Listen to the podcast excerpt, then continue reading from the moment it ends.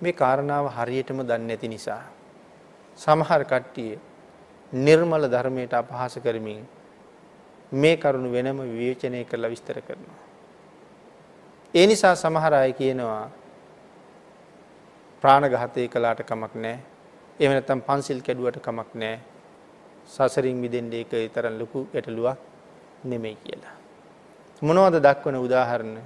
අඟුලිමාල කියලා කියන්නේ ඒත් සත්ව ඝාතකයෙක් නමුත් රහත් වුණා. තඹදාටික කියලා කියන්නේ මිනිස්සු ඝාතනය කරන කෙනෙක්. ඒ වුණාට දෙව්ලෝ ගියා. ඒ හින්දා අර මිත්‍යා දෘෂ්ටික පිරිස් ප්‍රශ්නයක් අහනවා සත්තු මැරුවට අපිට දෙව්ලෝ යන්න බැරි වෙයිද කියලා. පුළුවන් නම් කමක් නැහැ.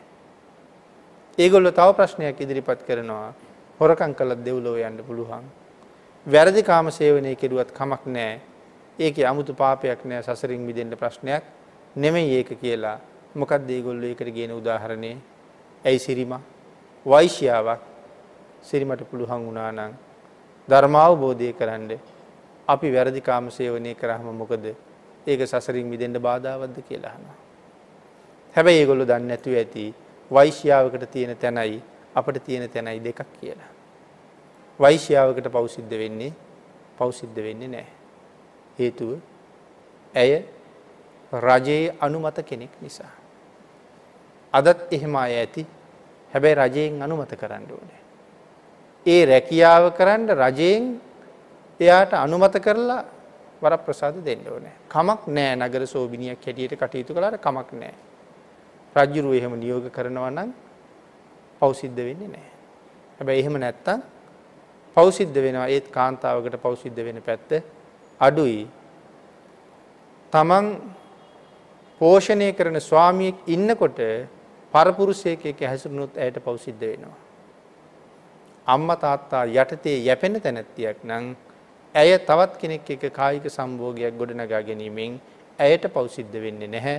නමුත් ඇයත් එක්ක හැසිරුණ අනිත් සහකරුවාට වැරදි කාම සේවන අපරාධ පාපය සම්පූර්ණ වෙනවා.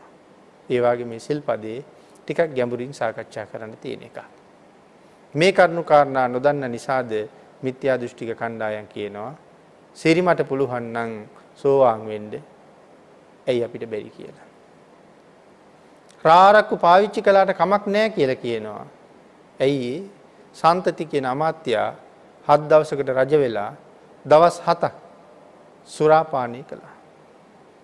උදේ ඉඳලමත් සුරාපානය කළා. හැබැයි එයාට විශේෂ කාන්තාවක් රජුරුව දුන්නා. සතුටු වෙන්න කියලා. නටන්න, ගයන්න, බලන්න කාන්තාවක් දුන්නා. ඒ කාන්තාව නට නටා ඉන්න වෙලාවෙම මැරිලා වැටුණා.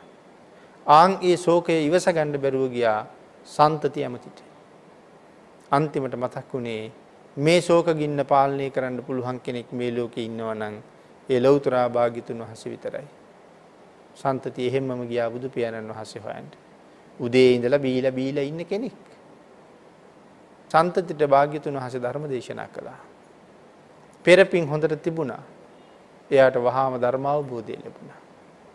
සන්තති අමාත්‍යා දරාගෙන ඉන්න සියලුම රාජාභරණත් එක්කම රහත් වුණා.